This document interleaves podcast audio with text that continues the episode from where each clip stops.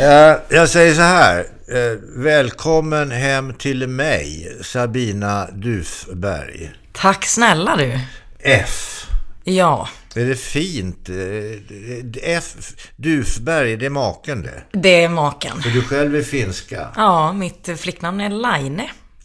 Är du född i Sverige eller född i Finland? Född i Sverige med finska föräldrar, helfinska föräldrar. Ja, så du är andra, andra generations eh, medborgare. Ja, Kan jag, du... Förlåt. ja, jag har dubbelt med, med, med, med, Medlemskap heter det. jag har dubbelt medborgarskap, Ja. heter det. Du, namn. Eh, Jag har en liten faktaruta här bara inledningsvis. Mm. Vad heter du? Sabina Dufberg. Enbart? Har du inte några... Äh, Sabina Sanni Maria Dufberg. Bra. Mm. Ålder? 42. Bra, därför att jag, jag ibland så frågar man ju av olika skäl. Och hur gammal är du? Frågar, Mm. man, en, frågar man då en kvinna. Då säger hon alltid gissa. Jaha. Och då säger jag alltid 42. Ja, då hade du gissat rätt med andra ord. Eh, yrke? Ja, jag är egen företagare, jobbar med träning, hälsa, träningsprofil i Sverige, kan man säga. Bor? Bor i Huddinge kommun. Huddinge, där har den både rättspsyk och ett stort sjukhus. Ja, det är ungefär där jag bor. Nej. Och är aktuell med... Ja, just nu så är det en ny bok, kommer komma direkt efter sommaren. Eh, aktuell med en ny podd som kommer att starta i januari. Okej. Eh, och sedan så är det ju mina träningsresor, min app och eh, massa föreläsningar och event precis i vanlig ordning. Jaha, och träningsresor, är det sånt jag ska åka på? Det är sånt som alla kan åka på. Det som är min specialitet, det jag är riktigt bra på, det är att se det unika hos varje individ. Så även om man kanske är, eh, säg att man skulle vara ny inom träning, eh, man kanske har någon skada eller man är jävligt vältränad helt enkelt, så kan man åka på samma resa. Ja, jag faller inte in riktigt eh, i någon av de där kategorierna. Jag är nämligen bara ofantligt lat. Ja, eh, det kan man också göra någonting åt. Du, vart åker du med träningsresorna? Bland annat så åker vi, eh, just nu det som är bokningsbart, det vi har bestämt är Ayman, eller det, man säger nog Ahman om jag ska vara helt ärlig. Aha. Det ligger strax utanför Dubai. Oh ja, tackar jag. Det är alltså solresor. Det är solresor. Ja, det är Mallorca, det är Sitges, vi åkte till Sicilien i höst. Så att, eh, Ja. Är olika. du sån här PT? Eh, om man läser mycket tidningar och sånt där, där jag poppar upp ibland, så där står det ofta PT. Men den stämpeln har jag fått efter Biggest Loser. Men jag The jobbar Biggest inte som Loser, PT. det är alltså ett ganska välkänt eh, tv-program. Ja, det är ett tv-program där jag coachade väldigt överviktiga människor under några år. Eh, och de tävlar i att gå ner i vikt. Och. Du var inte med i det här eh, Biggest Loser eh, Famous, eller vad heter det? VIP. VIP. Nej, då hade jag slutat. Ja, det förstår jag. Tack och lov. Det är lite speciellt. Fy fan, vilket... Ja, mm, jag ska inte säga. Jag ska inte heller säga, jag har inte tittat på det så att jag ska väl inte uttala mig. Innan du började med det här då, eh, PT, ja nu använder jag det slarvigt, men Ja. innan du började med det här att, att eh, hjälpa form med kost och eh, hjälpa form att komma i form med träning och kost och lite sådär coacha dem kanske på lite olika plan. Vad har du gjort då? Har du gjort något, något annat? Jag har egentligen i hela mitt liv jobbat med träning och hälsa i stort. Jag började, min första tränarutbildning var när jag var 16 år. Så då började jag leda andra människor i träning. Eh, och sen så har jag varit med och startat upp och drivit friskvårdsanläggningar, gym, fitnessanläggningar. Eh, så att ända till 2006 så har jag jobbat som anställd och jobbat mer som ansvarig och bygga upp och utveckla sådana här klubbar av Men, olika men, slag. men, men eh, inte utifrån att du har spelat, hoppat, eh, kastat bollar och spjut och sprungit fort och sådär. Nej, utan, Utan- eh, mera, alltså, fri, Och sträcker vi ja, vad ska man säga, gym, traditionell gym och spinning och styrka och klassisk träning. Sen så har jag Men- jobbat mycket med idrottslag, rehabiliteringspatienter. Okej, för vi har ju, alltså, vi har ju den här, i, Sverige är vi berömda för några saker.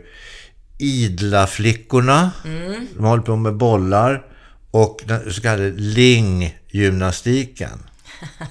alltså, och sen hade vi en radio Major Uggla. Men det är väl länge sedan? Ja, Va? jo och då skulle man, då skulle man alltså, i, det var i radiotjänst eh, sammanhang så skulle man alltså, han, man öppnade fönstret så ställde man sig i fönstret. Så gjorde man vissa övningar. Det var väl lite pausgympa då? Ja, fast det var på morgnarna. Och sen så hade vi en kille som hette Arne Tammer. Ge mig en kvart om dagen och du ska få en ny kropp. Ja, det var faktiskt vettigt sagt. Du, Ja.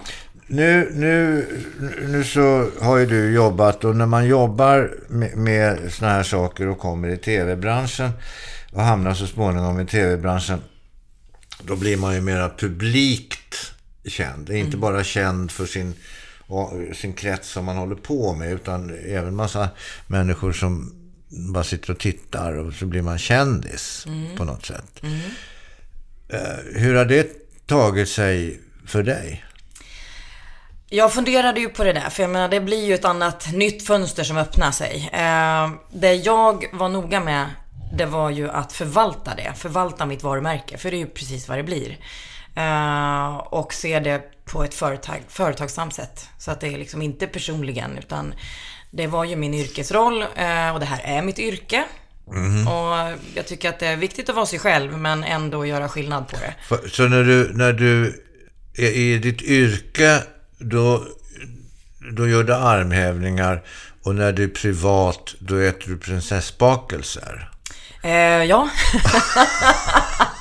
Är det så? Nej, om vi säger så här, jag är ju ganska, i mitt varumärke så är jag ju äh, öppen och ärlig med mig själv, den jag är. Eh, och jag står för den livsstilen som jag, som jag lever. Så du röker inte, du krökar inte. Nej, jag, alltså jag är ju finska, så att jag har haft mina festarår, det kan jag lova. Jag har gjort allt precis som alla andra. Jag röker däremot inte, det har aldrig fastnat och aldrig varit intressant för mig. Eh, festat har jag definitivt gjort. Inte ens, eh, inte ens någon där konstig tobak. Eh, nej, det har aldrig varit lockande. Men däremot så absolut eh, så har det varit mycket fest. Men du, får jag fråga, eh, om du kommer ut till, till Kobben, till, till, mitt, till mitt landställe. Mm. Och eh, jag har en bastu där, en vedeldad bastu. Oh, ja. Eh, enligt en annan finne Mm. som jag känner, som heter Hans-Göran Aro. Han menar att en bastu ska vara väldigt fuktig och inte mer än 60-65 grader. Mm. Det tycker han i badar finsk bastu. Jaha. Andra tycker att den ska vara nästintill eh, kokpunkten torr och så ska man slå varann med björkris. Vilket föredrar du? Eh, ja, nej, då tycker jag nog kanske att den ska vara lite varmare. Ja, den, den ska vara riktigt varm. Då får det bli björkriset då. Och gärna med en sjö utanför. Ja, men det har jag. Ja, ja. Det- Precis, så då har- är det här kalla och varma, det är perfekt. Ja, jo, det, det är bra. Ja. men vad bra. Då kan, det, då kan vi nog nästan Elda på. elda på lite. Ja, bra. Ja. Nej, men finsk bastu, finnar och bastu, det, de har på något jävla konstigt sätt tagit patent på det där. Jo, men du vet, eh, det kommer ju, sauna kommer ju från Finland, är det inte så? Nej. Det är ett, ren, det är ett renligt och härligt, eh, hälsosamt eh, ja, folk kan man säga. Du, dina föräldrar som kom till Sverige, Mm. utvandrade från, från Finland, hamnade i Köping. Nej, de hamnade i Flens kommun. Ja, Flen och Köping, det är ju lite same same. Ja, jo, lite. Ja, men det ligger i närheten av varandra Relativt i alla fall. nära. Mm. Re- Relativt nära varandra. Eh, och kom hit, eh, arbetskraftsinvandrade då, eller? Ja, alltså de var ju båda barn, så att de kom ju med sina föräldrar. Eh, så Jaha. så Ja, mina föräldrar var ju unga när de, när de hamnade i Sverige. Framförallt min mamma var yngre. Så hon fick ju börja i svensk skola. Eh, min far var nog lite äldre. Han, jag vet att han gjorde militärtjänstgöring i Finland. Eh, men sen så kom han till, till Sverige. Så att de Besö- relativt unga. Besöker du Finland? Alltså dina hem, hemtrakter? För du har väl kusiner och morbröder och lite... Ja, det är ju så att jag har en stor släkt. Mamma och de var ju tio syskon. På min pappas sida var de också tio syskon. Oj, det är 20 bara där. Ja, och jag har nog över 40 kusiner. Men vi är väldigt utspridda i hela världen. Och i Finland är det inte så många kvar. Utan det är USA och det är Kanada, det är Finland och det är Sverige. Men i, men eh, i Finland så har jag ju mormor i livet fortfarande. Jaha. Så hon är 94 år. Eh, och sen har vi ju då, eller min mor och de äger ju då stuga och mark där i, i Finland. Va, att, eh, när du säger Finland, ursäkta, kan vi vara lite mer precisa? Karjoki. Karaoke. Det heter Böton på svenska. Om vi säger eh, närmaste stora stad som folk känner igen är Vasa. Okej. Som då i och för sig är svenskt. Men, När kukarna hänger som döda svanhalsar över relingen och fittorna är som öppna limburkar, då är det morgon i Vasa. och det där är finlandssvenskt skämt, eller? Ja, jag kommer inte ihåg den riktigt, men det var någonting sånt.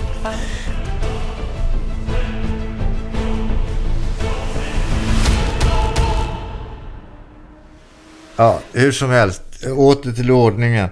Eh, dina föräldrar, är de stolta över dig idag som det har gått för dig? Åt det hållet som det har gått åt dig? Eh, ja, min far lever inte längre. Okej. Eh, men eh, skulle han göra det så skulle han vara det. Och min mamma, definitivt. Hon är ju min, eh, alltså hon är min idol. Jag tycker hon är häftig. Och hon och jag har ju drivit företag ihop sedan 2006. Hon är sjukgymnast och ergonom. Eh, Vad sa du? Hon? sjukgymnast och ergonom. Okej, ja det är lite same same. Ja. Okej. Så hon och jag startade ju den här firman då eh, tillsammans 2006. Och nu eh, så kommer jag ombilda den firman till ett AB. Det har varit ett HB tidigare. Eh, och det gör jag precis i, i dagarna faktiskt. Så att hon eh, lägger av och pensionerar sig på heltid kan man säga. Nu. Du, eh, du, du tränar, du började aktivt hjälpa andra att träna redan som 16-åring. Ja. Det är ju fantastiskt. Har du dansat och sånt där också? Nej, jag var en eh, fotbollstjej. Jag spelade fotboll. Eh, och i den lilla hålan där jag är ifrån i Flen så var det ju, man har ju liksom olika sporter som dominerar. Då var det ju fotboll. Och för mig var det viktigt att eh, ta plats i damlaget, jag var med i Sörmlandslaget och lite så här pojkflicka, bollsport, det var min grej. Okej. Jag var fysiskt, jag var liksom stark på det sättet. Min mamma däremot var ju då med i föreningen Friskis och Svettis i Flen. Jaha. Och de ville locka yngre deltagare. Därför så tyckte de att, eh, vänta, vi kanske ska ha en yngre ledare. Okej. Så hon övertalade mig att åka. Så eh, då sa hon, du Sabina, det här är bra för dig. Och då tyckte jag att det var kärringgympa på den tiden. Men hon sa att du får ju faktiskt en utbildning. Det är bra att få öva och stå inför folk och så vidare. Så att Ah, jag ja. åkte iväg. Första 16-åringen i Sverige på den tiden då. Oj. Eh, Och då fick jag gå något som heter steg 1 för att se om det fanns en mognad, om jag fick gå vidare. Och då tyckte de att en 16-åring klarar av det och så fick jag gå steg 2 och fullfölja utbildningen då. Så att det var, du, du, du har mamma inte bara tacka för att du faktiskt finns utan även att du, ditt yrkesval. Ja, det, hon är ju såklart en... eh, Vi är väldigt olika däremot. Ja. Eh, Jag är den fysiska, eh, ja, väldigt framåtgående så. Eh, Men yrkesvalen är ju inte så långt ifrån varandra, så är det ju. Du, mamma hit och mamma dit. Du är själv mamma men ändå inte. Ja. Kan du berätta? Du har ett tvillingpar. Mm, det stämmer. Jag fick tidigt reda på att eh, det var fel på livmodern. Eh, vilket jag då har fått leva med och försöka acceptera ända från tonåren kan man säga. Och fel på livmodern i det bemärkelsen att du kunde inte bli gravid. Nej, jag kunde inte bära några barn.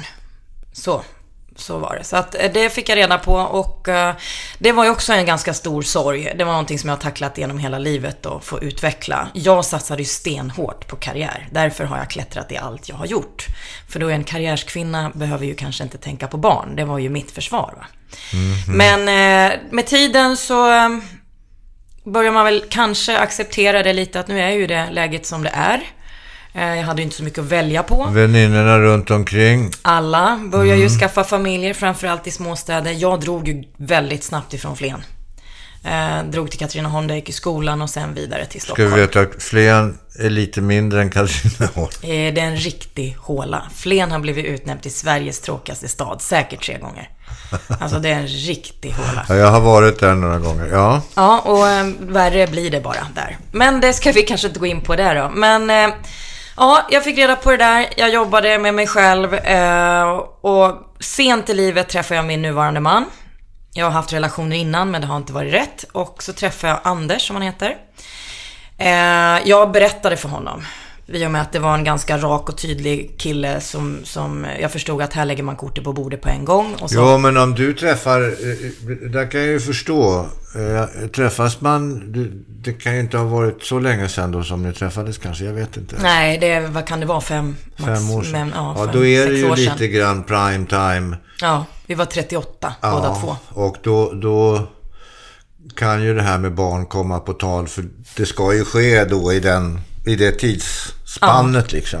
Vi var ju på lite sista refrängen kan man väl säga. Båda närmar sig 40. Vi är båda, båda födda 75 då. Vad då sista refrängen? Jag är för Ja. fan 72. Ja, men du vet, eh, om man kan få det biologiskt så har man ju en lite längre sträcka. Jo. Men annars adoption är ju tuffare ju närmare Ja, ja. man hamnar Ja, i det 40. har du rätt i. Så att det blir, adoption Vilket är jag tufft. tycker är åt helvete fel. Förlåt. Ja, men... det, jag håller med dig. Mm. Det är för jävligt. För jag menar, rent ekonomiskt, två skötsamma personer. Närmare 40 så är man ju bra mycket mer mogen och stabil i sig själv än när man är 25. Vi hade ju Absolut. kunnat gett eh, några adoption, alltså adoptivbarn en fantastisk framtid. Va? Mm. Men det hade varit en tuff process. Vi var heller inte gifta. Ja, ni vet allt det här. Det är långa processer och man ska helst ha varit gift i minst ett par år och så vidare. Så att hur Det som kunde helst de väl upp, upplysa alla om som blir gravida. Tycker jag. Mm. Att hörde du, du, det här borde du kanske ha tänkt på innan. Mm. Därför man kan inte ha olika regler för familjer som får barn den naturliga vägen och den som själv liksom går ut och blir nådigt påsatt och blir gravid. Alltså det, det måste ju vara samma och den som inte kan bli gravid som ska adoptera. Det måste ju finnas någonstans och, sans och vett och balans i det där, tycker jag. Mm. Ja, Men jag håller skitsamma, med. förlåt. Jag håller med dig. Sverige ligger långt efter när det är de här frågorna barnlöshet. Där man inte kan bära barnet själv. Vilket är väldigt stor orsak till barnlöshet, barnlöshet i Sverige idag.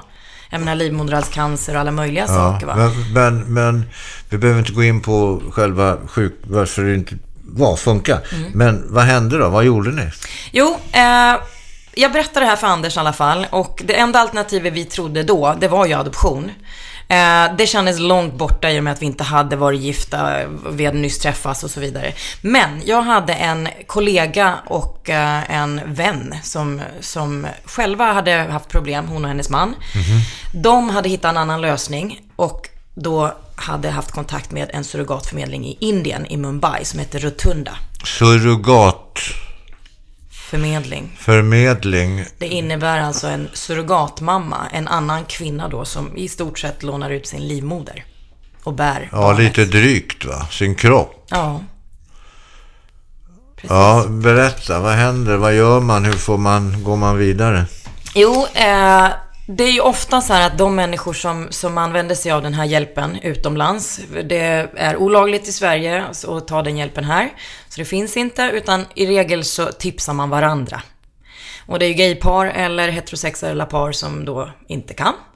Eh, och då får man checklistor ifrån varann, man hjälps åt hur det går till. Det är tuffa processer, det är gärna kontakter och det är mycket pengar som går åt. Eh, I det här fallet så tar man kontakt med kliniken. De krävde ju då att man skulle vara gift. Eh, vi gick och gifte oss direkt. Det var på studs. En vecka senare var vi gifta.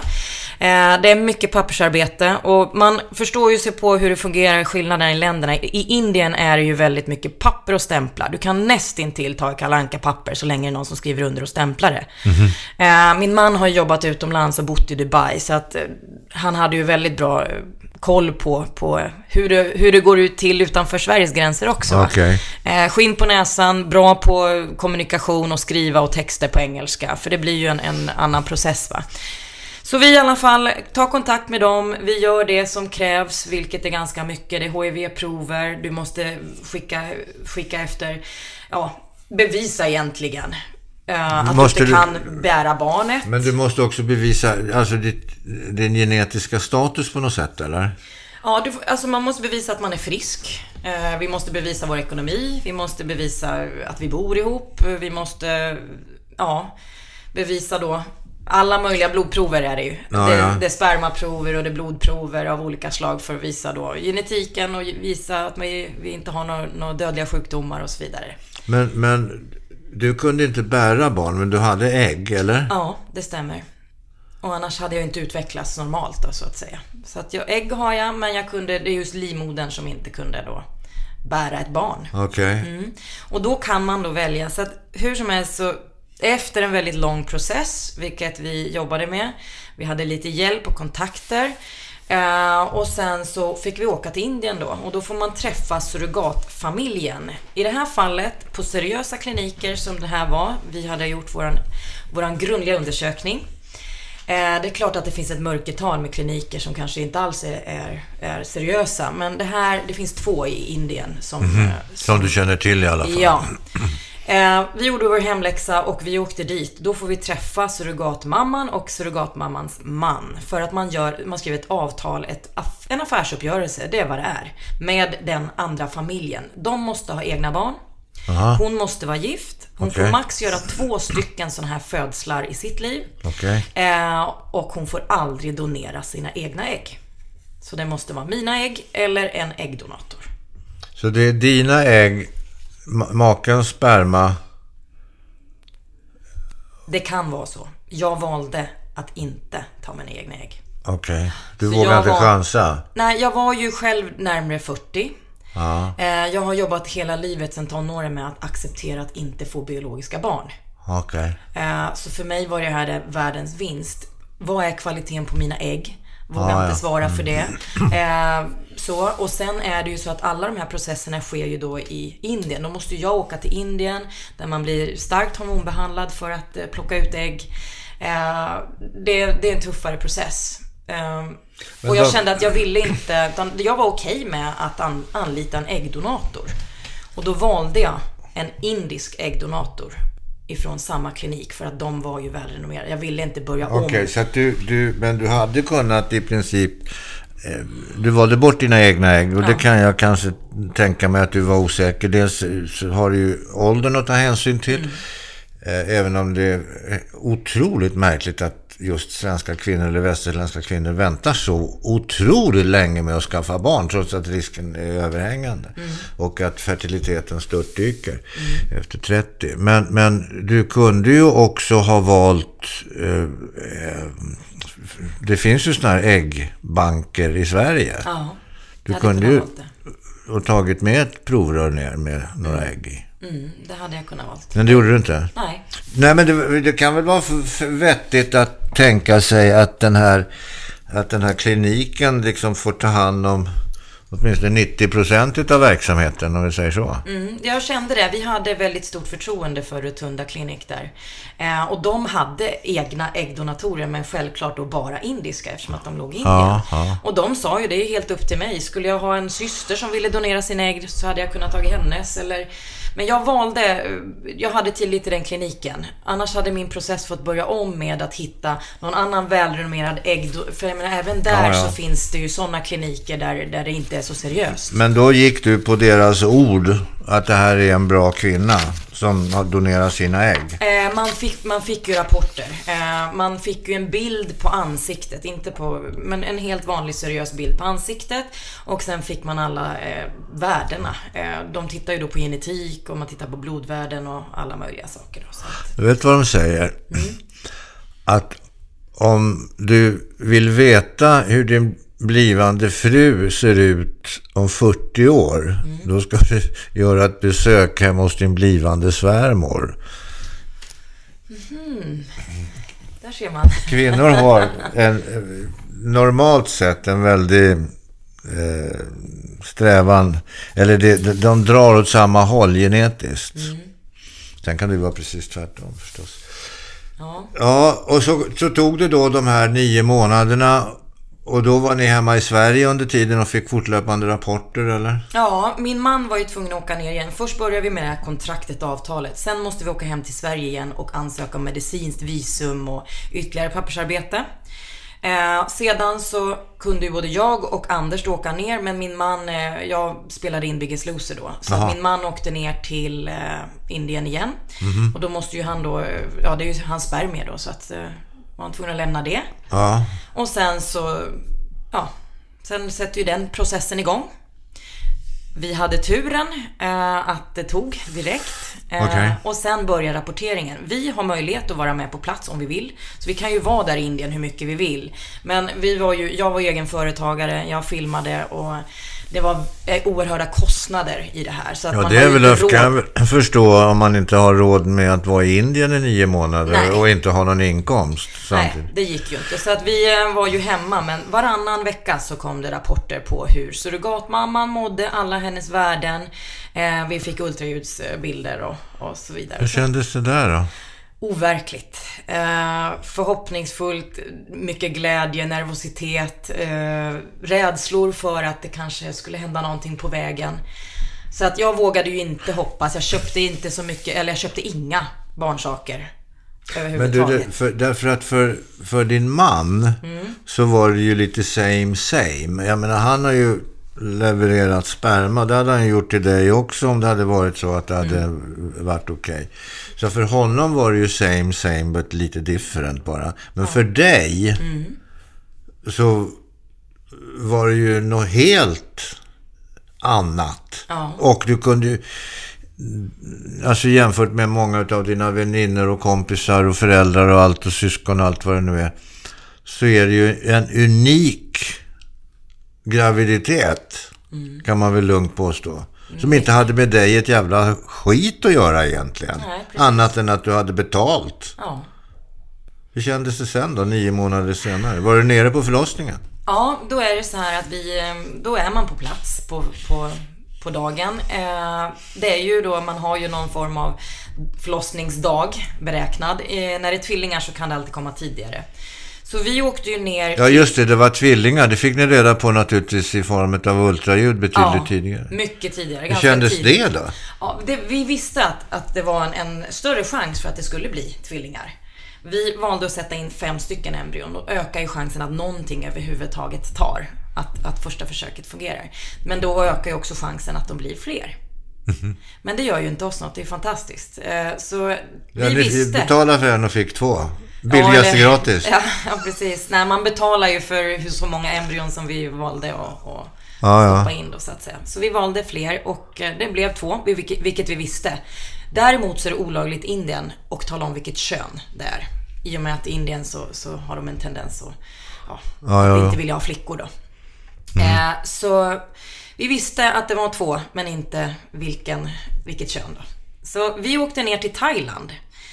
För att från Bangkok så gick det ju flighter varje dag. Mhm. Det tog fyra, fyra och en halv timme. Medan från Stockholm så, så fanns det inga direktflighter. Nej, nej, okej. Så vi ville vara nära. Så vi åkte ner lite tidigare, hade lite semester på tu man hand, var stod liksom i beredskap Ja, ja. för att åka över om det skulle hända någonting. Eh, det hände inte, så då åkte vi över på utsatt tid och sen så bodde vi där i Indien och väntade dag ut och dag in tills de ringde från sjukhuset och sa nu är det dags, packa er Du, väska får jag kom hit." fråga. Alla blivande mödrar som ska in på respektive BB har ju en liten väska packad. Ja, Hade du en sån motsvarande liten väska packad? ja. Vi hade vår lilla väska packad med lite bebiskläder av, eh, du vet, neutrala färger då. då. Ja. Ja, eh, och det hade vi då handlat i Thailand. Hade vi handlat, I och med att vi inte hade vågat gå händelserna i förväg. Men när vi var i Thailand så kände vi nu är vi så nära nu. Så att nu vågar vi hoppas att allting går vägen. Ja. Och då handlade vi ett litet startkit med allt möjligt. Så det lilla kittet hade vi nedpackat i lilla väskan. Okej. Och så väntade vi bara på samtalet. Och sen så blev det... Ja, det blev en... eh, Vi stod där och så vet jag att nu så, då ropar de upp vårt namn och sen så kommer en läkare, nu- läkaren ut och efter sig har han två systrar med sig som bär ett varsitt knyte med så här gröna, ni vet. Ja, ja, Ja, sjukhusfiltar. och så säger, säger den här läkaren It's a healthy boy and a girl. Det var det första han sa. Sen hörde varken jag eller Anders ett skit av vad han sa. För han stod och pratade där i tio minuter om vad det nu var. Och så fick vi en varsin. Jag vet fortfarande än idag inte om det var Selina eller Nicolas som, som vi döpte dem till. Vem jag höll i. Så, utan man stod Men, men, men, var de sådär plågsamt, eller är de fortfarande sådär plågsamt så att det bara är mor och far som kan känna skillnad på dem, eller? Lika alltså? Nej, de var, nej, de var inte så lika. Alltså eftersom att det är tvåäggstvillingar. Ja, ja. Ja, och Nej, då de spelar det ju- ingen roll. Det kan ju bli hur... Ja, och tvåäggstvillingar är ju som vilka syskon som helst. Det enda som skiljer åt är ju att de har exakt samma födelsedag då. Men, eh, så de är idag olika. Både i personligheten men också till utseendet. Och självklart, de är pojke och flicka så där skiljer de sig direkt va. Men eh, nej, redan som, som bebisar så såg ju vi definitivt skillnad på dem. Men eh, där och då, när han kom ut, så... Ja, det Han, det är doktorn. Doktorn kommer ut och bara It's a healthy boy and a girl. Och redan där så var det bara, han, han skämtar. Han kan inte säga att det var en pojke och flicka. Det, är- det verkligen sant? Ungefär. Och sen så snurrar det i huvudet och man, det var lyckorus och det Men var tårar. vadå, fick ni dem bara så?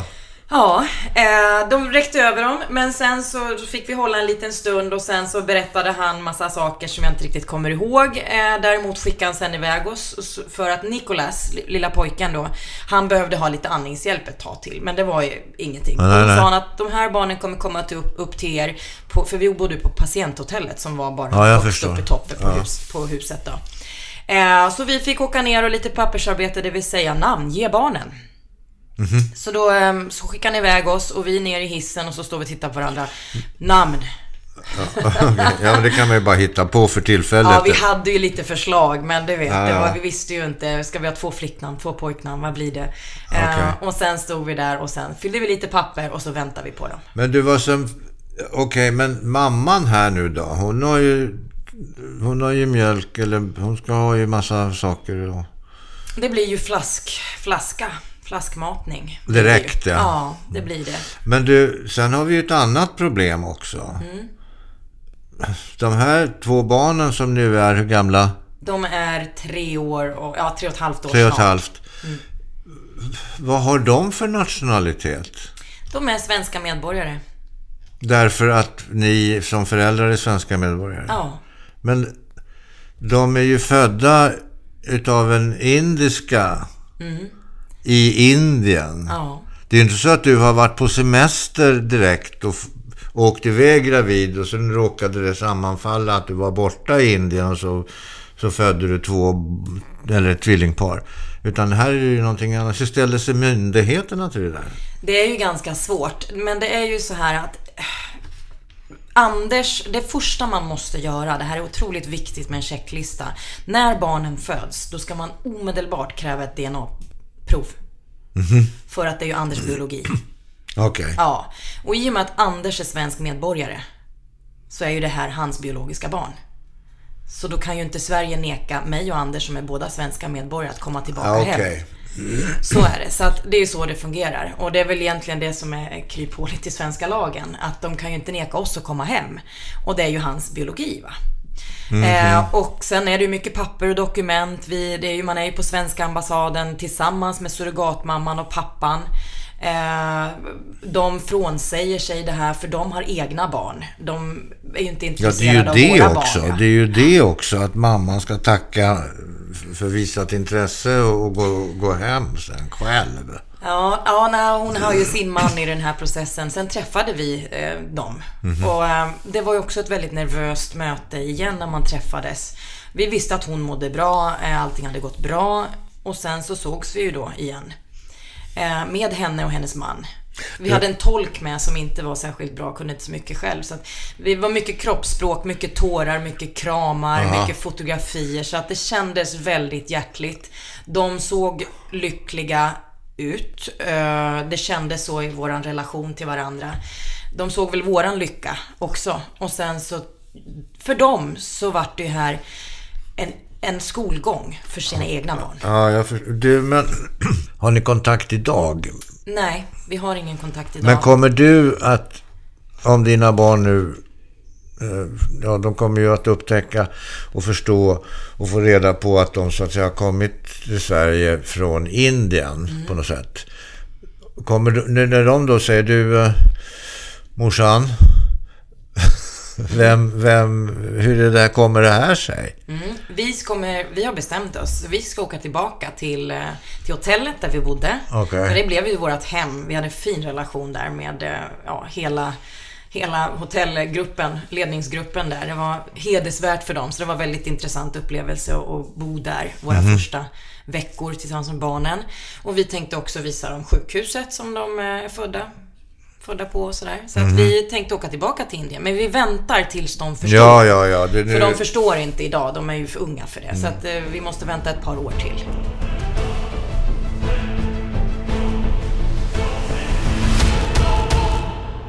Det här med att jobba då och vara småbarnsförälder. Du, du hade ju inte, eftersom du själv inte kunde bli gravid av olika skäl, medicinska skäl, så behövde ju du aldrig vare sig ta hänsyn till eller uppleva det, där med, med, med, en eventuell graviditet och, och så som någonting om jag får uttrycka det så sjavigt, som negativt för karriären. Eh, sen blev du då helt plötsligt väldigt mycket småbarnsförälder i allra högsta grad. Mm. Och det måste ju ha blivit en väldigt stor omställning även för din karriär. Ja, eh, det jag tycker är positivt i det här, det är att både Anders och jag var ju lite äldre vi är ju lite äldre än många andra föräldrar på förskolan till exempel. Det positiva i det, det är att man någonstans är lite mer landad som person. Ja. Eh, man har lagt mycket annat åt sidan som var väldigt intressant tidigare. Var ute och festa och man skulle hit och dit och det var liksom lite lugnare som individer. Vi har gjort väldigt mycket båda två. Mm, mm. Eh, så att det ger ju också annan tid som man förut slösade på, på diverse saker. Va? Ja. Så att prioriteringarna har ju blivit annorlunda. Eh, och det är medvetna val. Det finns ett ansvar, det finns en kärlek till det. Så att jag tycker att man får ork. Man får ork, för för mig är ju det här det, är ju det mest fantastiska som har hänt. Eh, och Nej, jag tycker inte det är något problem alls. Jag är egen företagare också, så att min flexibilitet eh, ja, är väldigt enkel. Ja. Det jag skulle tycka det var svårt om jag hade en chef och jag skulle be om lov och jag är hemskt ledsen och nu kommer jag lite för sent och nu är barnen sjuka. Men det, jag har ju ingen som jag behöver rapportera till. Nej. Så att därför så, så upplever jag inte den stressen. Är du och din man överens om hur ni ska bete er uppfostringsmässigt och sådär? Ja, det upplever jag att vi är. Det, vi, ja. ja, det fungerar väldigt bra. Du, eh, förutom att du har tränat folk och talat om för dem att de ska inte äta så många chipspåsar och chokladkakor och dricka så mycket läsk och skit. Ja. Så har du skrivit ett par böcker också. Ja. Jag och du har... håller på med en tredje nu, eller har jag missuppfattat? Nej, det stämmer. Det kommer okay. komma en tredje som jag har skrivit tillsammans med en tjej som heter Charlotta Flinkenberg. Flink? Flinkenberg. Okay. Mm. Hon och jag kommer att släppa en bok eh, i augusti. 2018. Och den Vad kan man läsa sig till där då? Eh, det kommer framförallt handla egentligen om eh, mot kvinnor skulle jag säga. För kvinnor. Sen får män absolut läsa den om de är, är intresserade. Det fina bilder? Det kommer vara mycket fina bilder, så du kan bläddra i den du också. du, jag har tänkt på det där. Jag, jag har ju Instagram och, och, och sånt där och Facebook också. Och just kvinnor. Alltså det är så irriterande mycket. De ska lägga ut bilder på arslet hela tiden. Jaså? Och, och i, Men du har, väl, du har väl kollat på min? Där finns väl inte så mycket arslen? I tajta tights och svettig. Och så vill de gärna visa såna här när de häver sig upp för någon stång och så blir det lite småbullar på ryggen och så har de något linne på sig som är ganska litet och utskuret där på ryggen. Vad är det? Vad är det för fel på folk? Va? Jag vet inte, du får ju fråga folket. Ja, nu frågar jag dig, för du ja. är min länk in till det där. Ja, men jag tycker det är bedrövligt. Det, jag skulle säga det sociala mediesamhället är, jag håller med dig, det är bedrövligt väldigt ofta. Det har också varit en, en, positiv, för mig så är det ju ett sätt att nå ut till mina kunder.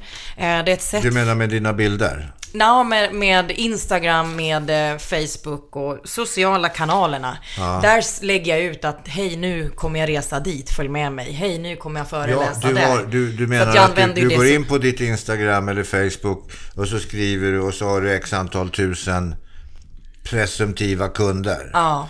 Jag har ju satsat hårt på mitt varumärke och inte satsat på att få så många följare som möjligt. För vill man göra det... Hur många följare har du då? Ja, 20, 27 27 000 eller något. Ja, men det är ju för fan mera folk än i Katrineholm. Jo, men det är ju väldigt, väldigt lite i de här sammanhangen ska du veta. Alltså. Men det finns ju sätt, och många kvinnor vet ju hur man får det. Eh, det är ju mycket hud, mycket dagens mage och rumpa och allt möjligt sånt. Men för mig har det varit en viktig kanal eh, där jag kan nå ut till egentligen de som, som är min målgrupp.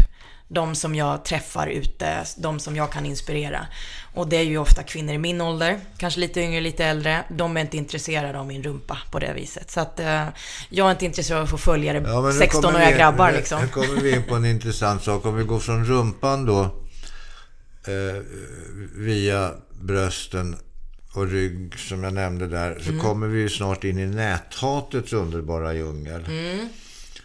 Är du förskonad från näthat eller är du eh, attackerad? Förskonad.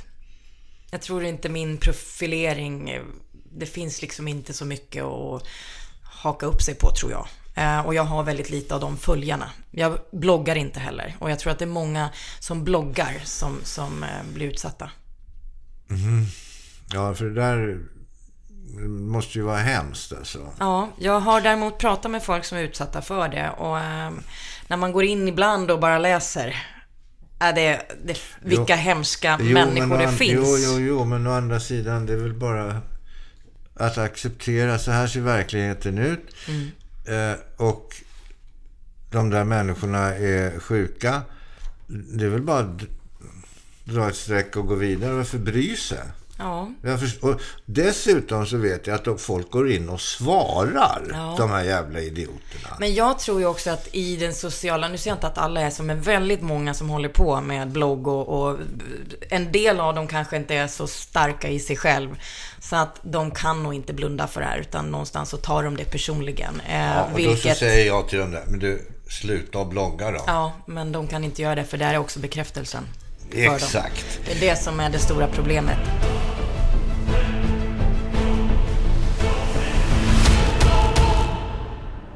Du, vad är du missnöjd med här i livet då?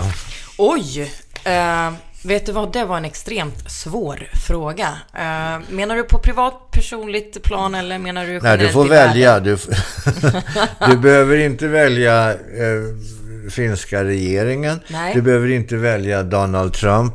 Nej. Du behöver inte välja Nordkorea. Men du kan bara välja. Alltså, är det någonting som du tycker, "Men det där är ju käpprätt åt helvete. Ja, men alltså då- det kan vara privat eller det kan vara gubben eller det kan vara fotbollen. Eller... Då ska, jag, då ska jag, det här är ganska enkelt egentligen. Jag tycker att eh, Sverige ligger helt fel när det gäller exakt det jag har varit utsatt för. Barnlöshet. Vi pratar ibland om att, eller vad ska, Sverige pratar idag om eventuellt ett form av eh, legalisering av altruistiskt surrogatmödraskap. Det betyder att du kan alltså, använda dig av en surrogatmamma som inte tar betalt.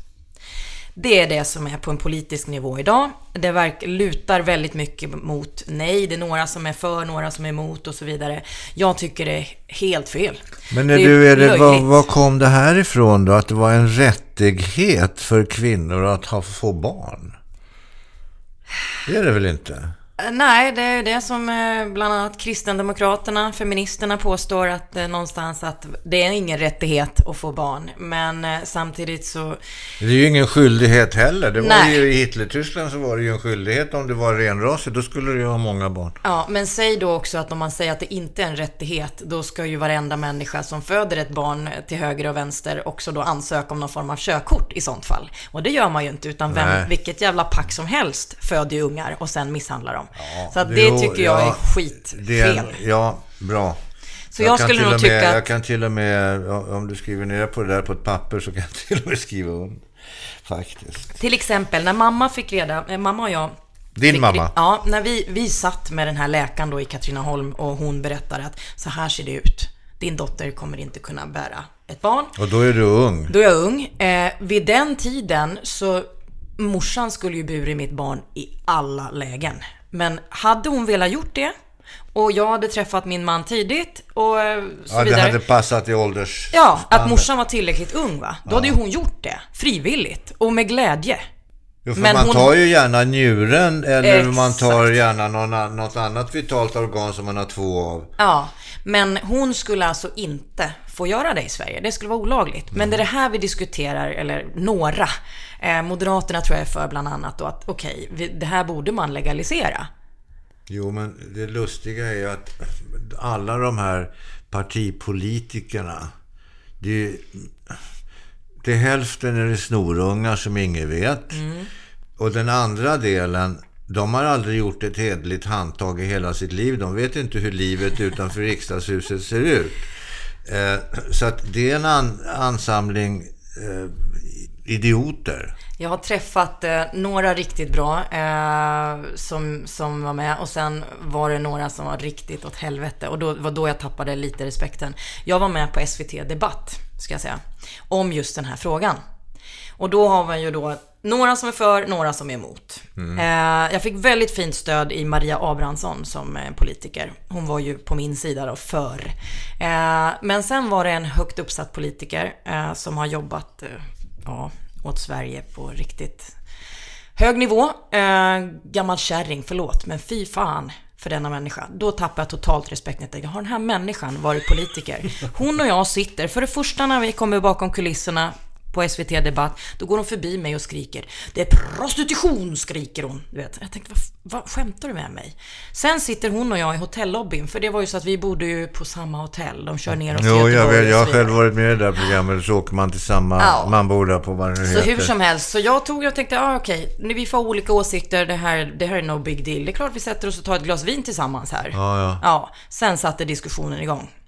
Jag har aldrig hört något så mer inkompetent i hela mitt jävla liv.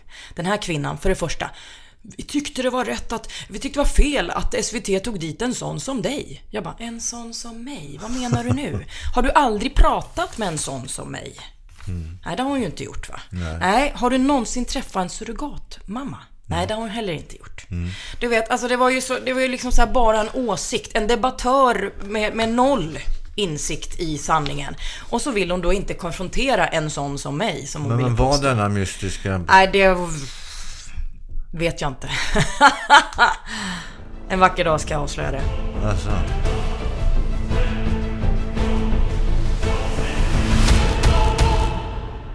Eh, du gjorde dig ju känd för en bred allmänhet, eh, för sådana som tittar på tv, för ett program som heter Biggest Loser. Mm. Vad är det? Det är ett tv-program eh, där väldigt överviktiga människor får tävla om vem som går ner i vikt.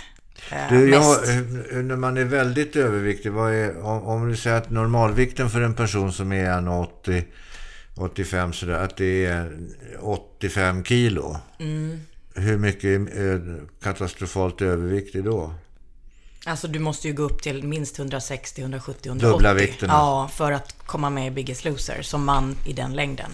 Vi har ju haft, eller jag hade en kille som vägde långt över 200 kilo. Mm.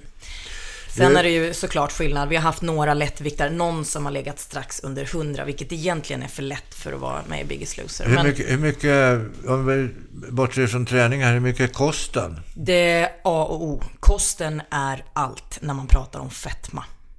Så att så om jag ger dig en, en chokladask i julklapp så är jag egentligen ingen god vän till dig då? Jo, du skulle kunna ge den till mig.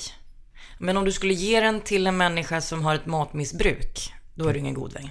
Det är ungefär som att ge sprit till en alkoholist. Du, jag, hade, ja, jag hade en kompis, eller det var en, en han var pappa till en, en, en kille som var i samma lag som min son, spelade ishockey och fotboll. Honom, han hade matmissbruk. Honom sydde de igen käften på. Va? Han kunde bara dricka. Men var det magsäcken? Nej, han kunde bara dricka. Så. Men alltså läpparna, munnen. Men alltså gjorde de det en tillfällig period för att han skulle gå ner i vikt? Ja, inte fan vet jag. Det låter ju helt sjukt. ja, men det är effektivt. Han kunde inte få in... Han kunde bara få in uh, vätska i mun. Mm.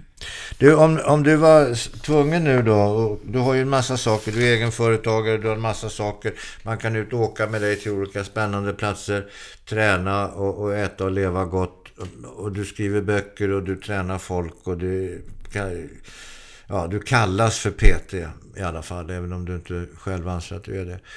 Om du, av alla de här projekten, som, vilket skulle du kunna tänka dig att sluta med? Oj!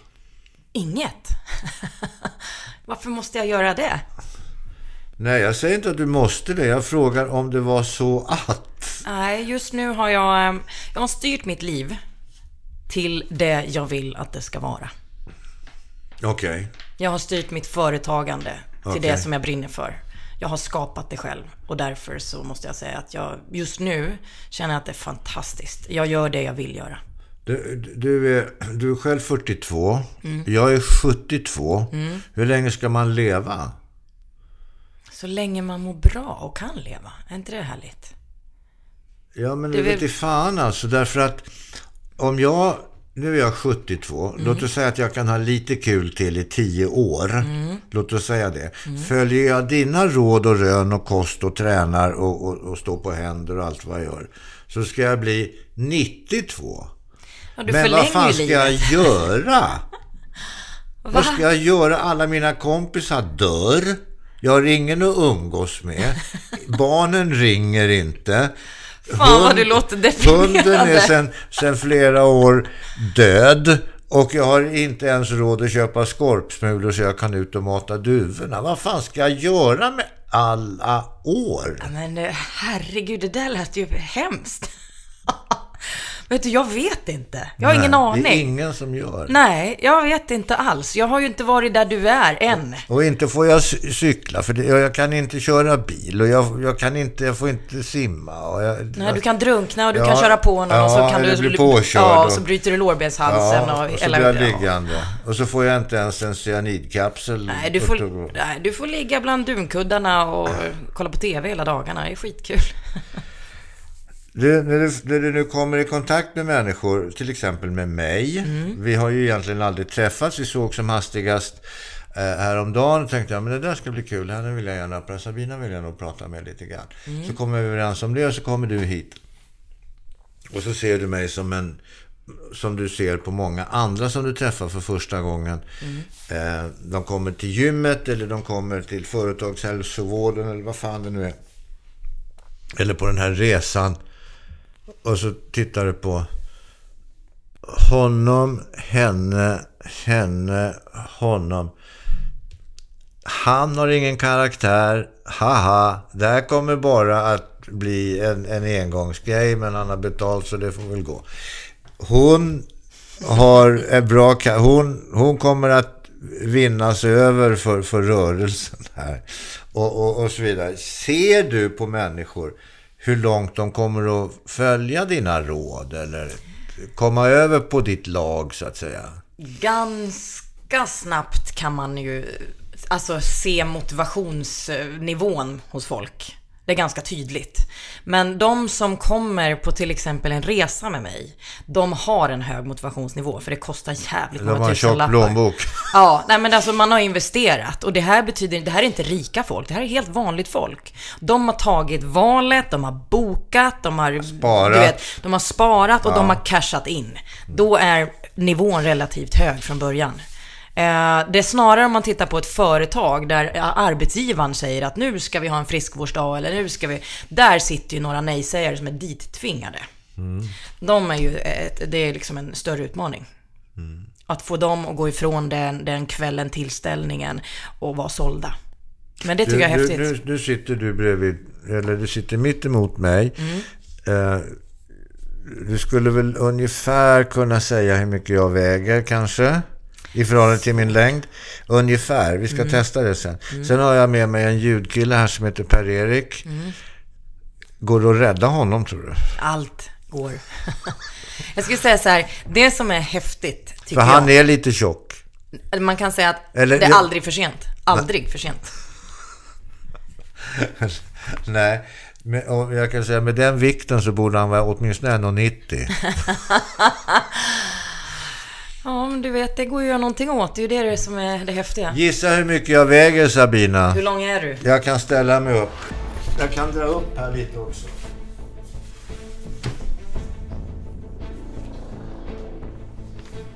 Kan du väga en 86? Nu drog jag upp, nu drog jag upp skjortan här så hon fick se lite eh, mage. Ja, det stämmer. På jävla kilot. Du skojar? Nej, vi kan kontrollmäta på vågen. Ja, ganska bra då med andra ord. Du är ju duktig. Är det någonting du vill fråga mig om? Och massor. Hur Ja, då tar vi har det. vi? Kan väl... så, vi har inte så mycket programtid. Vi kan väl ta det vid ett annat tillfälle. Absolut. Väldigt trevligt. Ja. Du Sabina, underbart att du kom. Tack snälla för att jag fick komma. Ja. Fantastiskt roligt. Ja, men det var ju det. Tack. Tack snälla.